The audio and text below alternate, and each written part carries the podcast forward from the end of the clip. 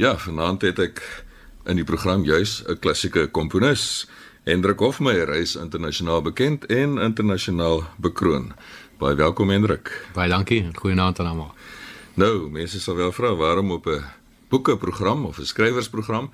Omdat Hendrik Hofmeyer ook heelwat Afrikaanse gedigte getoonset het en by die komende Woordfees op Stellenbosch wat van 8 tot 14 Maart plaasvind, is daar 'n uitvoering van 'n spesiale opdragwerk die toonsetting van sewe gedigte van Elisabeth Eybers.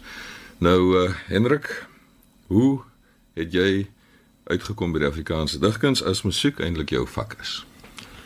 Wel, ek is dan seker in die eerste plek ook 'n Afrikaner, so ek het maar uh soos meeste Afrikaanse kinders uh op skool heelwat met gedigte te doen gekry, maar ook by die huis. My ma het 'n taamlike groot versameling gehad van die Afrikaanse digters uh so van tot en met die 60ers.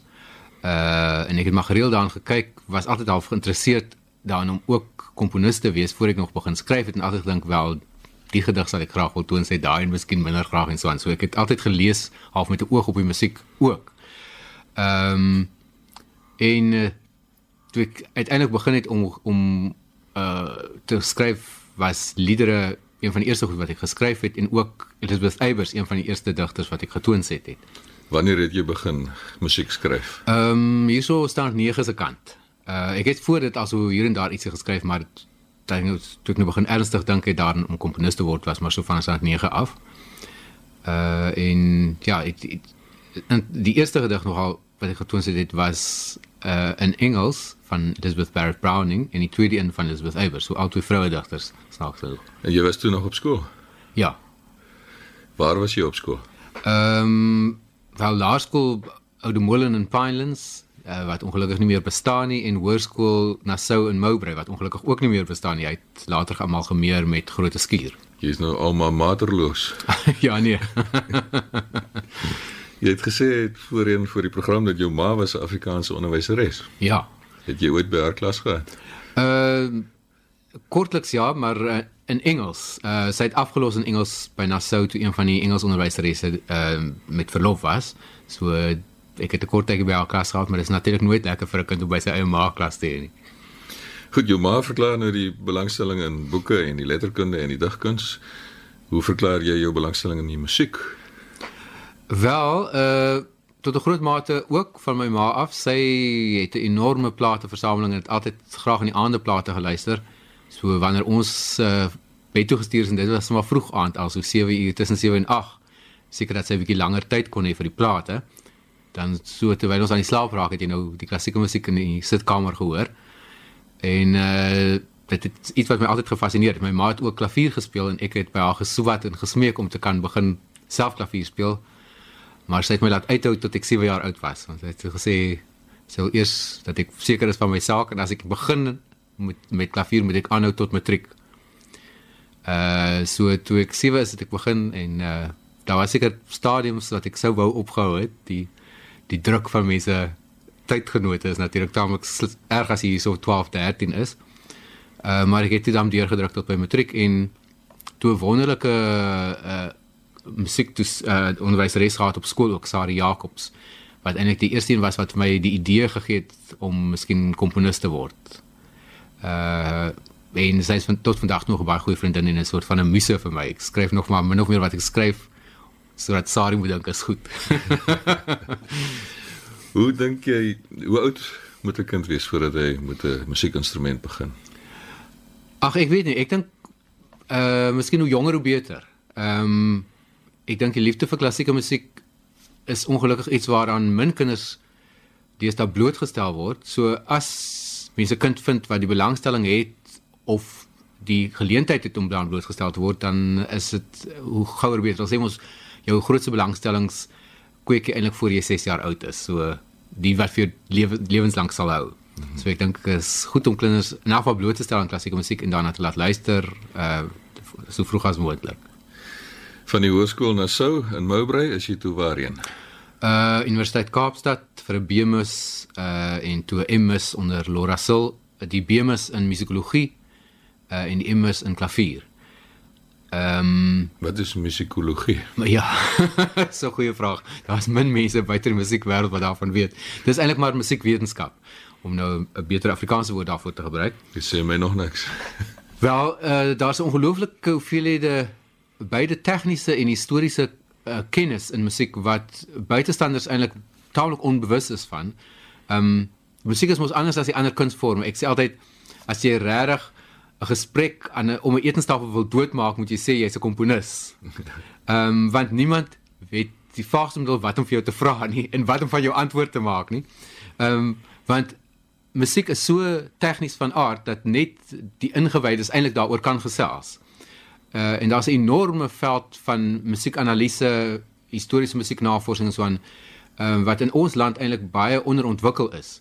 Um, ek dink dit is een van die probleme hoekom uh van ons komponiste eintlik amper half vergeet raak. Daar's so daar is 'n handjievol mense wat baie hard werk daaraan om navorsing te doen oor ons komponiste, maar ek dink uh in verhouding met die aantal komponiste is ons musiekwetenskap te min hierdie oomblik. So dis ook iets wat mense word aangemoedig te word om na te kyk en ek het weer eens maar eintlik op Sarah Jacobs se aanbeveling musiekwetenskap gedoen want uh sy het heeltemal reg gesê kyk as komponis in die land gaan jy nie eintlik 'n bestaan kan maak as jy jouself op klassieke musiek toespits nie. So doen 'n graad in musikologie, dan kan enige universiteit jou in diens neem en uh, dan kan jy komponeer in die tyd wat die universiteit tot jou beskikking stel.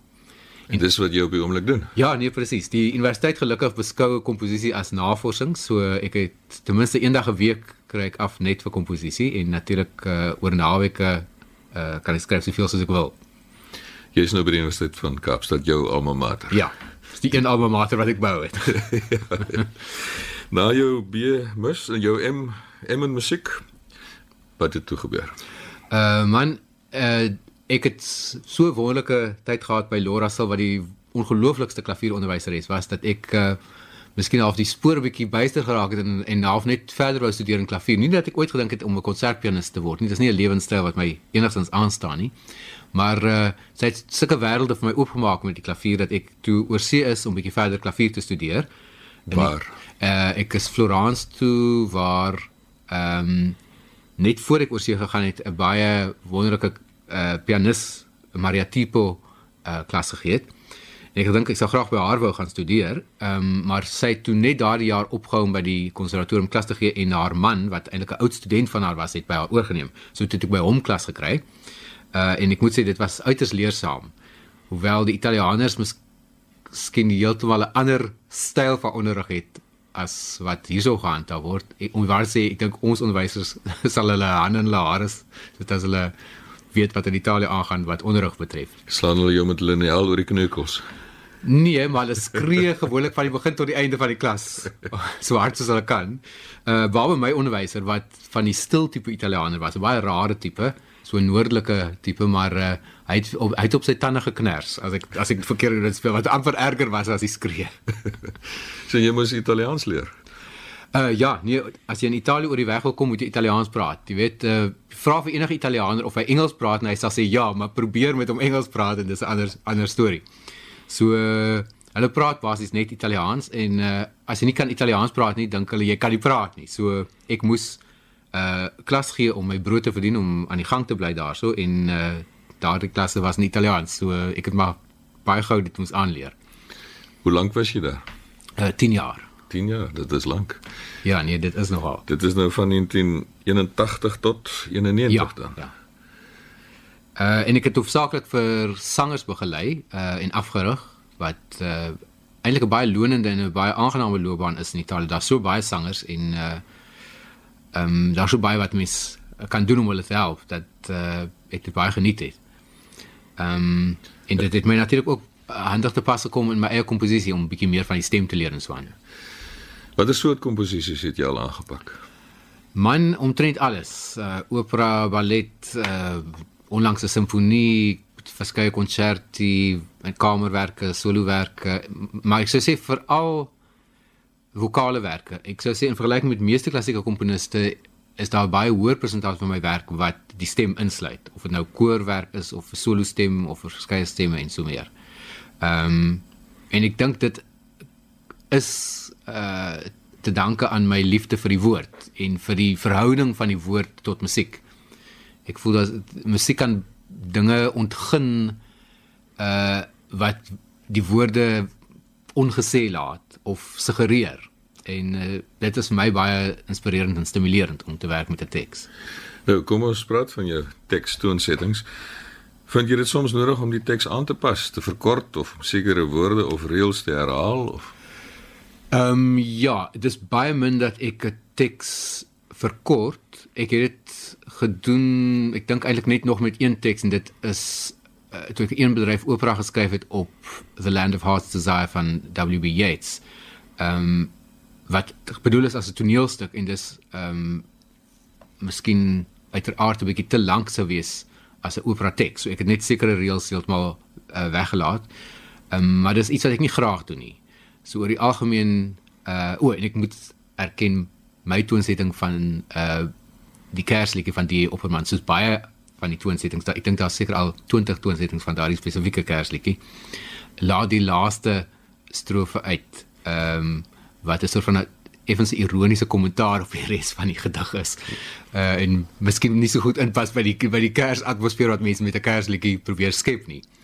Ek meen dit doen geen Afrika in die gedig nie, maar ek dink as 'n liedjie wat mense by die Kerstyd sou wou sing, uh het komponiste maar verkies om dit nie by te sit. Ja, ja. Dis nou van die broers Bantam wat agterdogtig kloek. Juis. oor die gebeure daar in distrik 6. Dis hy. Ja. In leeskring gesels ek vanaand met Hendrik Hofmeyer, komponis, Suid-Afrikaanse komponis, internasionaal bekend en hy is hier vanaand omdat hy sewe gedigte van Elisabeth Eybers getoon het, het en dit gaan uitgevoer word by die Woordfees op Stellenbosch. Hendrik, kom ons praat nou oor die toonsetting van Afrikaanse gedigte. Sommige mense sê Afrikaans is nie 'n taal wat jy kan sing nie. Ja, nee, dit is louter onsin. Ehm um, onsing. onsing, ja. nee, ek ek mense voer verskeie redes aan die feit dat daar uh, diftongklanke is, die feit dat die baie van die lettergrepe kort is, maar uh, diftonge bestaan in 'n warboel van van tale. Ek sou sê omtrent meeste tale bevat diftonge. Dit is die minderheid van tale wat dit nie bevat nie. Uh Italiaans is miskien een van die uitsonderings. En uh Italiaans byvoorbeeld is ook baie ryk in kort lettergrepe, maar dit het niemand nog verhoed om Italiaans te toonset nie, maar te sê dit word beskou as die mees toonsetbare taal en mees singbare taal in die wêreld. Omdat so baie woorde op klinkers eindig of hoe? Dit is een van die hoofredes, ja. Ehm um, maar om 'n medeklinker goed te hanteer is iets wat 'n sanger in elk geval moet aanleer en dit maak eintlik 'n baie netjiese einde vir 'n noot. So om op 'n medeklinker te eintlik te eindig behoort geen probleem te wees vir 'n sanger nie. Uh en wat sê Italiaanse opera tekste gebruik dikwels ook verkorte weergawe van Italiaanse woorde.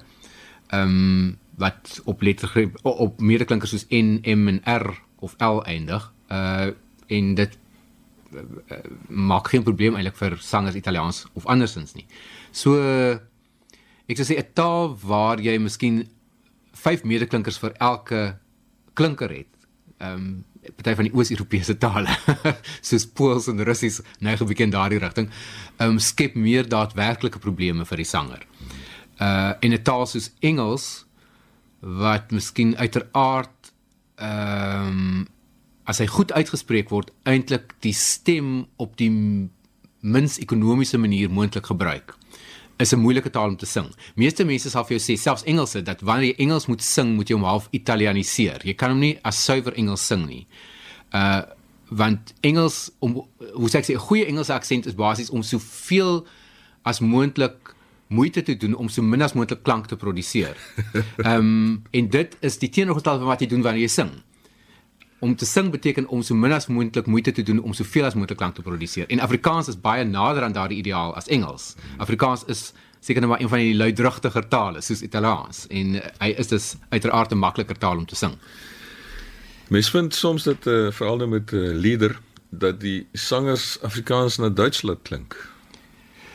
Ja, nee dit gebeur. Ek ek dink miskien omdat hulle so baie opleiding het in die sing van die Duitse kunslied en die Duitse taal. Ehm um, is dit 'n maklike ding wat wat kan gebeur. So die probleem lê by die sanger nie by die komposisie nie. Ek hoop so. ja, veral jy wil, ek wil die Duitse L. Ja, ja, nee. en ook van die klinkers wat soms 'n Duitse draai maak. Ja, nee, dit is definitief so. En hoeveel tale het jy al getoon sê? Man, ek het nog nie eintlik opgetel nie, maar uh, te sê Afrikaans, uh Latyn, Spaans, Frans, Italiaans en Engels. En jy verstaan al die tale. Wel. Verstaan, ek sou nie sê ek praat hulle almal nie, maar ek verstaan dan ek het dan was so 'n paar verwerkings ook gemaak van uh Xhosa volkswysies, so mens kan dit miskien wys het hoe werk nie sal sê dis oorspronklike toonsettings nie. So sê Hendrik Hofmeyer. Hendrik, kom ons gee die luisteraars 'n idee van hoe klink een van jou toonsettings. Waarna gaan ons luister? Uh man, dit is 'n lied uit 'n vroeë liedsiklus, uh Alleenstryd gebaseer op ses gedigte van SV Petersen. Ehm um, en die een waarna ons geluister is die gedig Kinderland waarin hy uh nostalgies terug dink aan sy jeug daar op die platteland en dit dan vergelyk in die laaste deel van die lied met sy huidige ontoereikende stadslewe. Uh die sanger is Andre Howard bariton en uh, ek speel die klavier. Kom ons luister.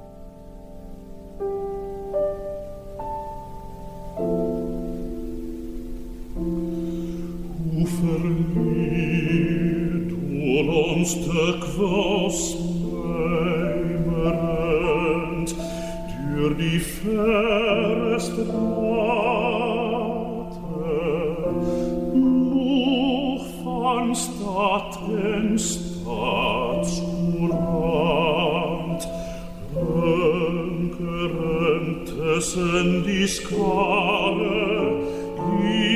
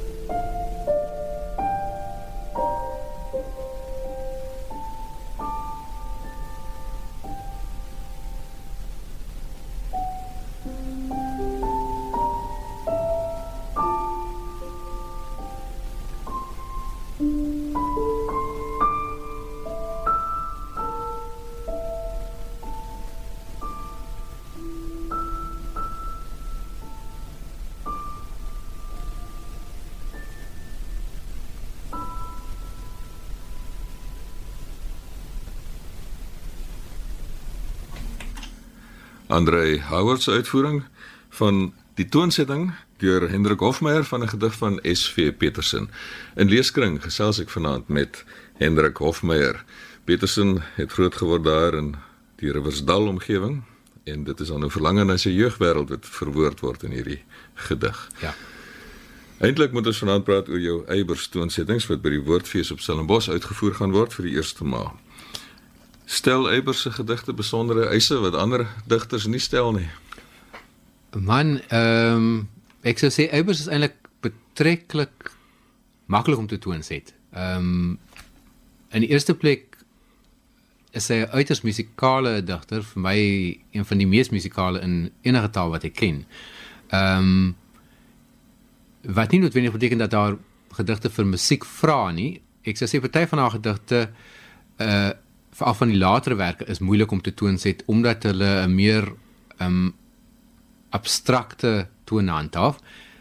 Persoonlik vind ek die vroeë werke die maklikste waar daar 'n meer liriese en as mens maar so kan sê amper oudtyds verhewe tipe toon is daardie tipe toon wat uh, tradisioneel met klassieke musiek geassosieer word ook. Ehm um, ek sou sê party van die meer saaklike gedigte van die later periode sou sou miskien uh, amper absurd klink met die gegeewe van die klassieke stem en en, en klassieke klavierbegeleiding. Ehm um, waarskynlik die grootste uitdaging is die feit dat sy uh baie lief is vir enjambement en dus dat om 'n volledige musikale frase te maak wat in wat gebalanseerd is met voorafgaande en daarvolgende frases is baie moeilik omdat die sinne wat sy gebruik nie noodwendig um altyd klaar maak wanneer die rymskema aan die einde van die reël kom nie.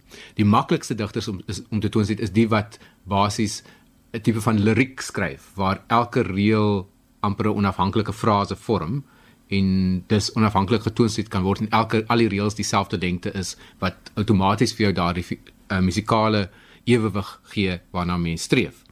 Ehm um, so wanneer jy iets is in jou moment teekom beteken dit dikwels dat jy uh die frase in korter frases moet indeel of woorde moet herhaal om daaruit dan twee musikale frases miskien te maak uh wat gebalanseerd is eerder as een wat miskien kan klink of hy bietjie te lank aangaan. Dis 'n mooi tegniese uiteensetting. ek het dit nou was probeer om dit so 'n leuke taal te sê maar die sewe toonsettings vorm hulle eenheid.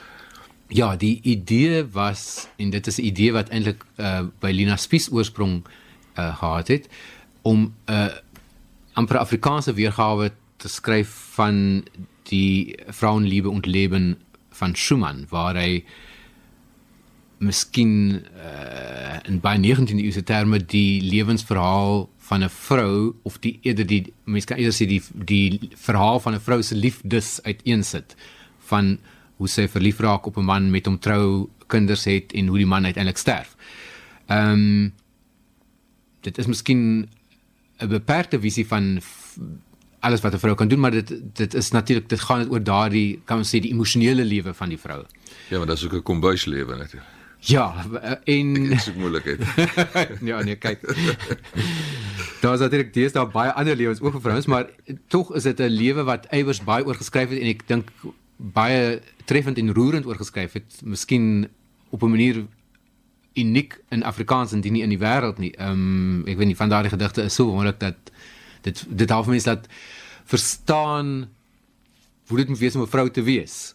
Uh dit maak deure oop dink ek vir mense wat andersins miskien dit nie sou kon ervaar nie. So eh, dis ten minste hoe ek dit ervaar het en uh dis wonderlik om dan vir 'n vroue stem te kan skryf half deur die oogpunt van 'n vrou.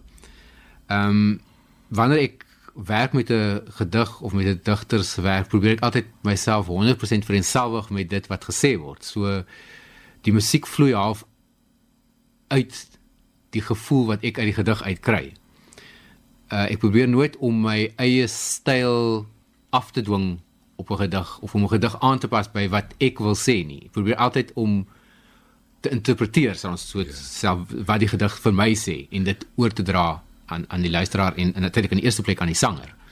Jy lees so 'n gedig dan ook seker hardop. Ja, nee absoluut. Die die infleksie uh waar die klemme val binne die woord en ook binne die frase wat die belangrikste woord in die frase is waar daar moet uh gewag word uh waar daar stilte moet wees al daardie dinge is my baie belangrik en uh partykeer ook kom jy met verskeie oplossings uh vorendag wat jy miskien gedink het een is reg en dan as jy hom 'n paar keer herhaal het voel hy nie meer so reg nie dan moet jy nou maar oorskryf. So gelukkig deesdae met die rekenaar is dit tamelik maklik om 'n maat of twee uit te haal en 'n nuwe een in te sit. Komponeer jy agter die of voor die klavier? Ja, nee, ek kan glad nie by die rekenaar komponeer nie. Dit is ek weet nie, da, dit ek het 'n blokkade seker. Ek is miskien maar van die ou geslag wat dit betref. Maar die rekenaar is baie handig vir notasie. So as ek dit nou klaar geskryf by die klavier dan noteer ek dit op die op die rekenaar. Dit is maklik om soos ek sê veranderinge dan aan te bring en ook um, om die musiek te transponeer uiteindelik as jy iets vir sopraan geskryf het en jy wil dit deur 'n mezzo-sopraan laat sing dan is dit basies net 'n knoppie op die rekenaar terwyl dit 'n paar dae se werk is om dit met die hand te skryf. So daar's 'n spesiale program. Ja, nee, die programme doen alles deesdae. Ek sien jy die probleem van agter of voor 'n klavier om seil dit te sê by die klavier. Ons het 2 uh, minute. Jy het ook onlangs 'n simfonie voltooi waarin jy ook Afrikaanse gedigte gebruik het. Uh ja, dit was op 'n idee van uh Gideon Joubert wat gevoel het daar moet een van 'n groot simfoniese werk wees um wat so van die werklikheid van die Afrikaner in Afrika daarstel. Uh en ek het gehou van die idee en het toe drie gedigte gekies, uh een van Eugene Maree, een van die Opperman, uh een van CM van den Heever wat uh so van handel oor die lyding van die Afrikaner maar dan ook uiteindelik oorgaan in 'n in 'n boodskap van uh, kan mens sê transcendensie uh in van 'n vernuwing wat uit Afrika kom. Hendrik Hofmeyer, baie dankie vir 'n interessante gesels vanaand. Hendrik Hofmeyer is mede-professor in musiek by die Universiteit van Kaapstad, ook natuurlik 'n komponis van verskillende genres, maar vanaand het dit spesifiek gegaan oor sy toonsettings van Afrikaanse gedigte.